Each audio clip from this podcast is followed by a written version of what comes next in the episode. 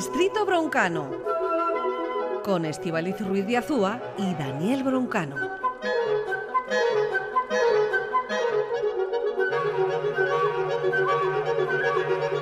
Daniel Broncano, la propuesta que me traéis eh, para hoy, ¿se puede definir algo así como Distrito Broncano dos puntos Guerra Fría musical? Totalmente. A ver, la cuestión es que nuestro último capítulo estuvo dedicado a la música americana. Fue un viaje de descubrimiento sonoro eh, por, eh, por, el nuevo mundo sonoro de Norteamérica. Y entonces, por alusiones, pues creo que este hay que dedicárselo a Rusia. Han llamado los rusos, dices, ¿no?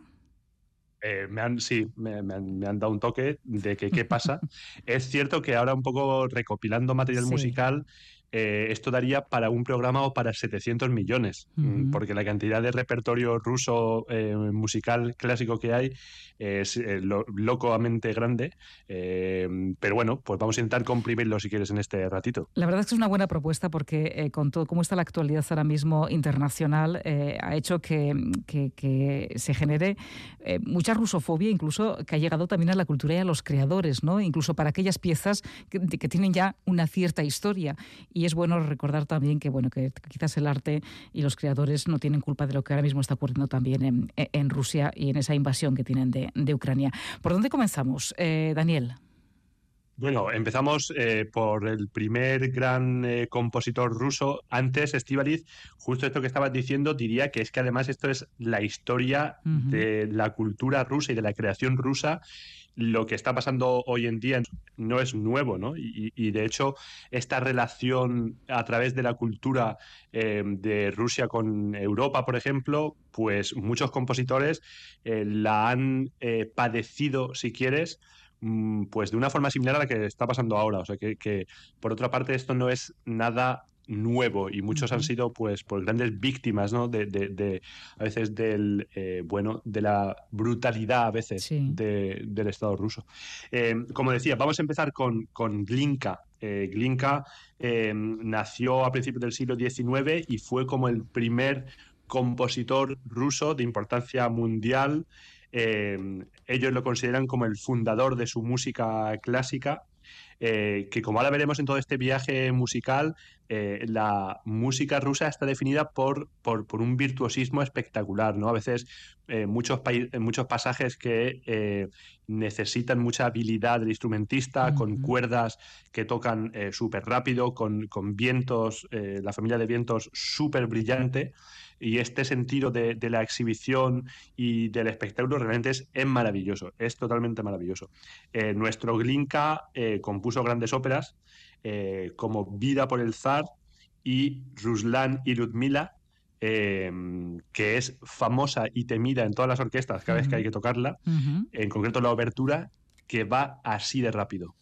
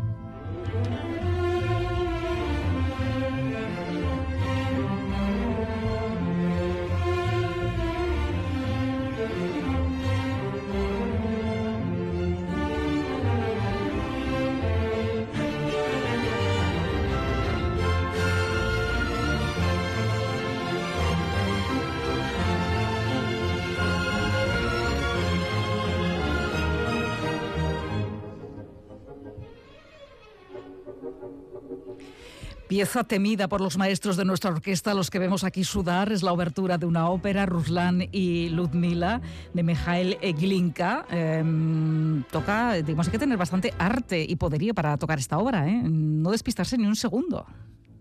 Total, y además continúa así casi toda la ópera, pero sí es cierto que en cada, en cada orquesta cuando se va a tocar la obertura, pues los violinistas, eh, varios se tienen que, coger una baja por ansiedad. Eh, sí, sí, requiere mucha, eh, sobre todo más en esta versión que escuchábamos, que es que se escucha cada notita, ¿no? O sea, justo alardean de que de verdad hacen sonar cada, cada nota, ¿no? Glinka, creador como del principio de esta, de esta gran música rusa que empezaba a sonar en todo el mundo, el compositor más mundial eh, y más interpretado, pues eh, es Piotr Ilich Tchaikovsky. Eh, creo que aquí ha sonado ya unas cuantas veces en nuestro espacio. maestro de las melodías infinitas. hay compositores que es que a veces esto, esto, de la melodía es un poco un don, ¿no? Y hay compositores que basan su música en otros elementos, no tanto en la melodía. hay algunos como Schubert, como Tchaikovsky, que es que les, les, brota, ¿no? les sale por los poros de la piel. Eh, un compositor que también pues, tuvo, una, tuvo una relación eh, difícil con el establishment eh, ruso, por así decirlo. él sufrió muchísimo siempre por, por, su homosexualidad. tuvo un final súper difícil porque básicamente le invitaron a suicidarse.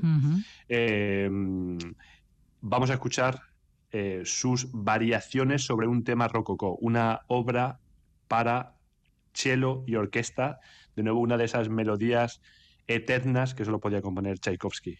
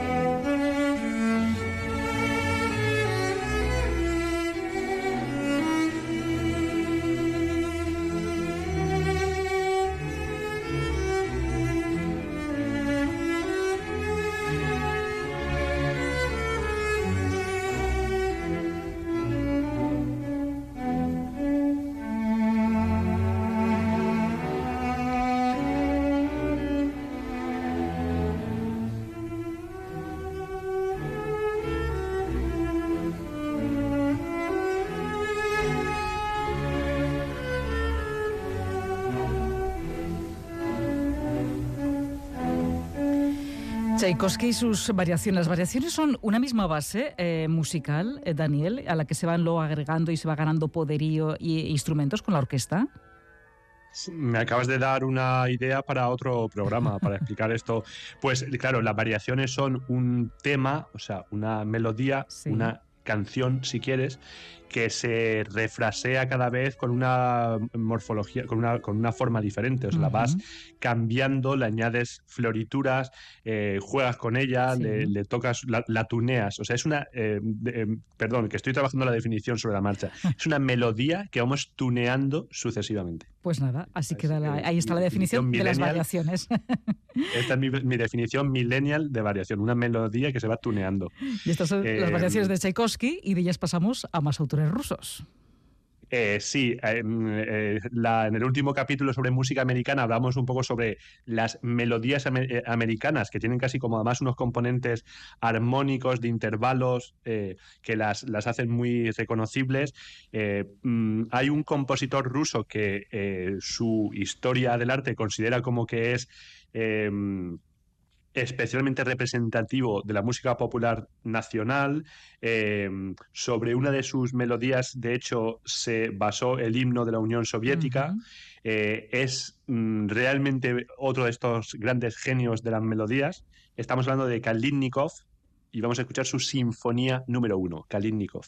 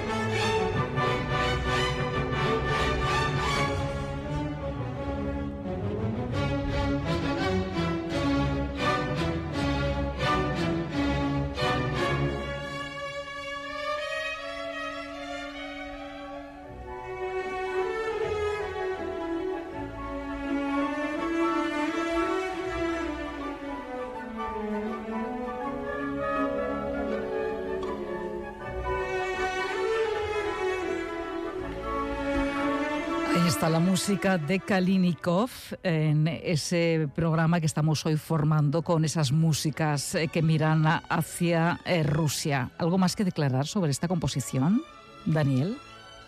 Pues eh, a mí es que me encanta, me, hipnotiza. como mucha de la música tiene una parte irracional el, que nos eh, cautiva, ¿no? Pero a mí me, resulta cautivadora esta, este torrente melódico de Kalindnikov. Eh, hubo un. Eh, hay, hay, como dos grupos de compositores que, que fueron. actuaron un poco organizadamente. uno fue el grupo de los cinco. que vamos a escuchar en un segundo a uno de ellos, que era Borodin, y había otro que era el Círculo Beliayev, eh, eran varios compositores que de hecho fueron los más europeístas de todos, eh, que viajaron a Europa y que vivieron en Europa. Eh, bueno, y que fueron de los que más expandieron un poco su, música por todo Occidente. ¿no? Uno de ellos fue Glasunov, otro de los grandes compositores rusos. uno de sus grandes éxitos fue su segunda sinfonía que se estrenó en la Exposición Universal de París. Eh, aquí antes hablábamos del virtuosismo eh, instrumental un poco característico de la música rusa. Lo vamos a entender cuando escuchemos esta sinfonía número 4 de Glasunov con estos vientos extremadamente trepidantes que hace falta para tocar esta sinfonía.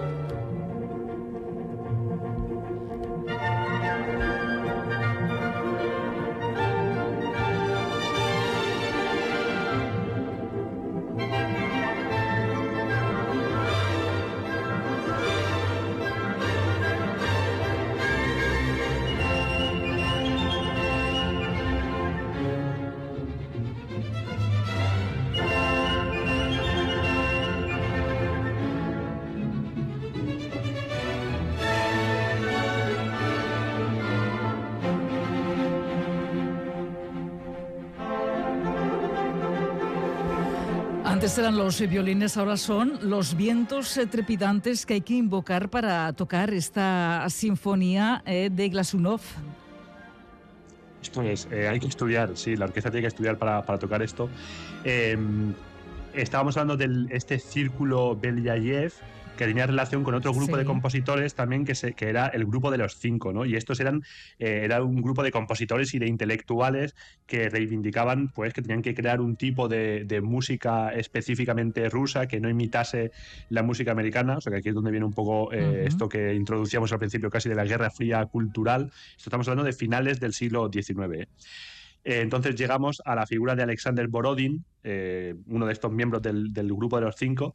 A mí este me fascina, este compositor, porque es eh, de estos compositores que tenían otra profesión. era químico, toda su vida se la ganó como, como químico, exitoso, y componía como por completar las tardes, o sea, por, rellenar jornadas. por echarle unas horas.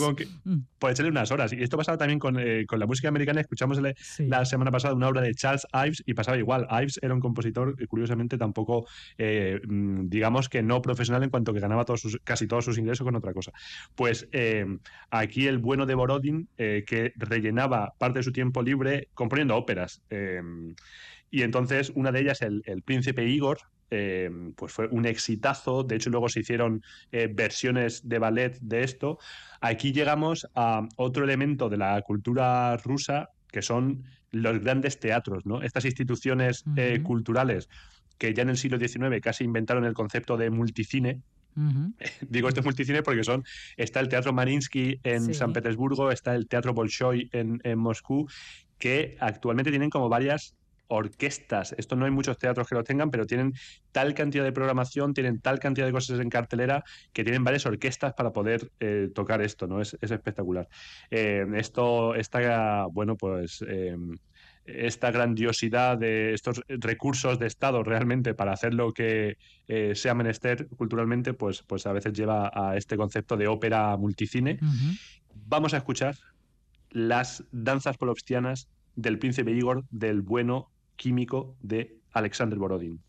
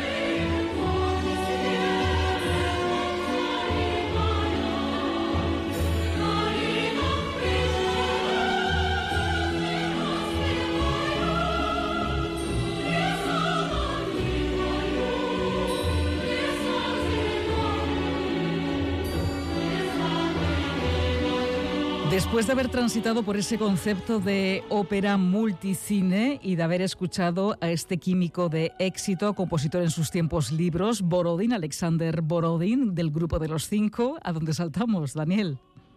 Llegamos a un momento clave de toda esta historia de la música rusa, principios del siglo XX, París, los ballets rusos y Stravinsky.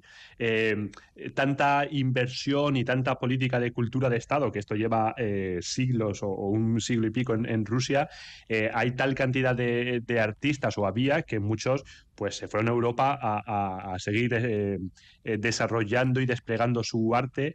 está la figura de Sergei Diaghilev, empresario ruso que creó en París los ballets rusos en colaboración con Stravinsky, eh, compositor que también se fue a vivir a París, pues crearon de hecho esta especie de eh, Rusia eh, mítica o de Rusia em, legendaria con estos temas em, en, estos ballets que realmente siguen estando todavía en el imaginario, ¿no? Como la consagración de la primavera, como eh, el pájaro de fuego, que de alguna forma escandalizaban a la sociedad parisina, que a la vez eran eh, un punto de innovación y de vanguardia y que, mm, de nuevo, venían a ser eh, una, una, especie de em, bueno, pues artistas europeos de origen ruso, ¿no? Pero que al final desarrollaban su, arte directamente en, Europa. Em, el pájaro de fuego, un mito eh, de la música clásica, un impulso de toda esta eh, realidad eh, rusa en Europa y de la propia carrera de Stravinsky, el pájaro de fuego.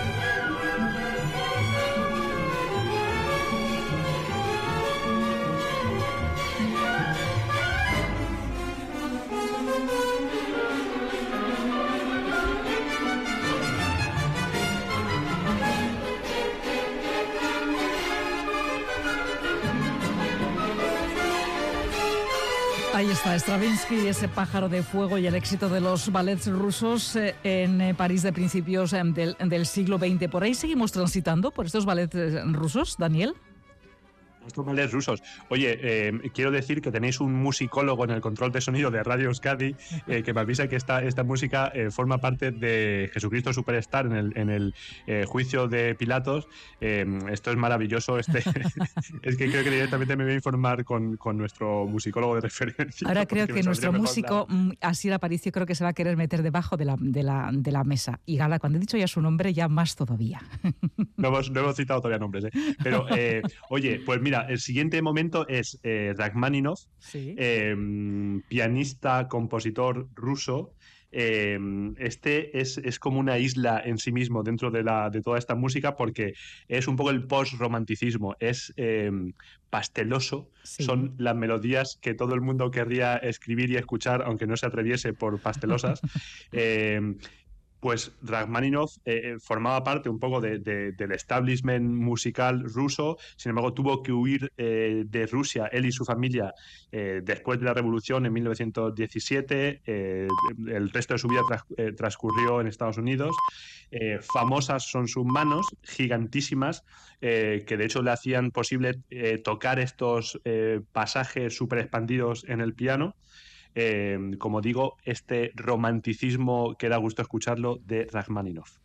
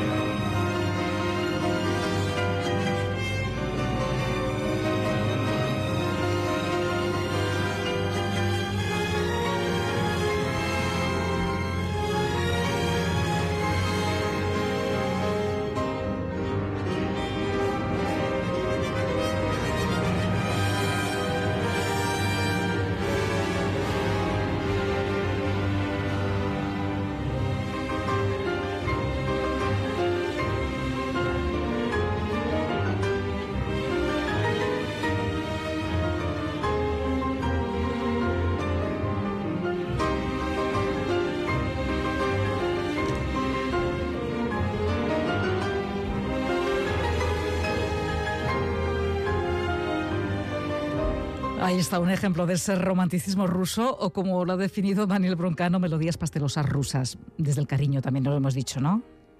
Y desde el amor, por supuesto. Siempre. Eh, bueno, llegamos finalmente a dos figuras claves de la música rusa en el siglo XX, que son Prokofiev y Shostakovich y hablamos al principio pues de, la relación actual de los eh, artistas rusos eh, con su país y de hecho con el resto del mundo y Prokofiev y Shostakovich hace ya décadas en mitad del siglo XX tenían un poco pues esta misma dinámica no Prokofiev eh, fue pues parte como del establishment ruso a partir de 1917 huyó del país vivía un poco a pesar de su origen ruso, a veces eh, gracias a su origen ruso recibía todavía encargos de la Unión Soviética, eh, a partir de los años 30 empezó a tener otra vez relación con la Unión Soviética, eh, se impulsó su vuelta a su tierra natal, siempre era como una relación de compositor del Estado, pero que a la vez, pasado mañana, te decimos que eres antirruso, ¿no? Y se fue, fue acusado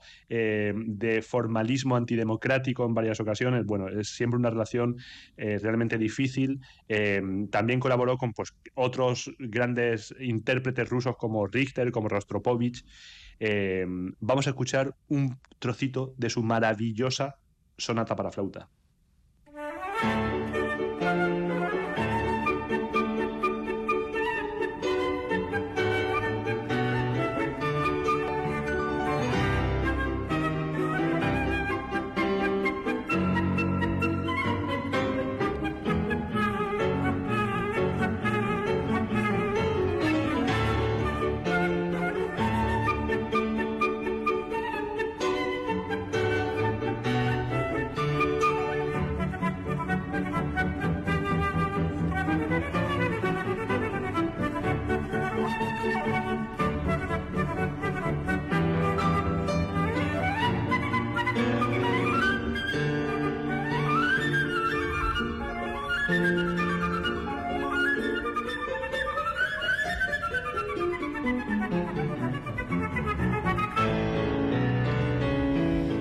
De la sonata para flauta de Prokofiev nos vamos a nuestra última apuesta de esta tarde en la que hemos transitado por las músicas rusas, que es, Daniel paquetamos la sección con Shostakovich, que encarna, y por eso cerramos con él, más que nadie, pues esa relación eh, del artista ruso con el Estado, donde se cuestiona todo el rato si está a favor o en contra, ¿no? Y esto es casi como, como un hecho casi único de, estos artistas rusos. Eh, siempre su eh, música de verdad se analizaba al milímetro de qué quería decir, ¿no? O sea, si tal pasaje de las flautas estaban describiendo la Unión Soviética, lo estaban criticando. Em, y él mismo, además, eh, es que en realidad metía, eh, quien más estudia su música, pues ve más, más mensajes, más códigos ¿no? en toda esta música. De nuevo también representativa de este virtuosismo, de esta exigencia al intérprete que tiene que estar muy atento para poder tocar todo esto. Así que vamos a cerrar con su sinfonía número uno, vamos a cerrar este maravilloso viaje por los sonidos rusos. Pues con Sostakovich te dejamos, Daniel Broncano, cuídate mucho y la próxima semana volvemos a abrir nueva edición de este distrito broncano. Es que ricasco. Un besazo, Estivaliz. Hasta luego.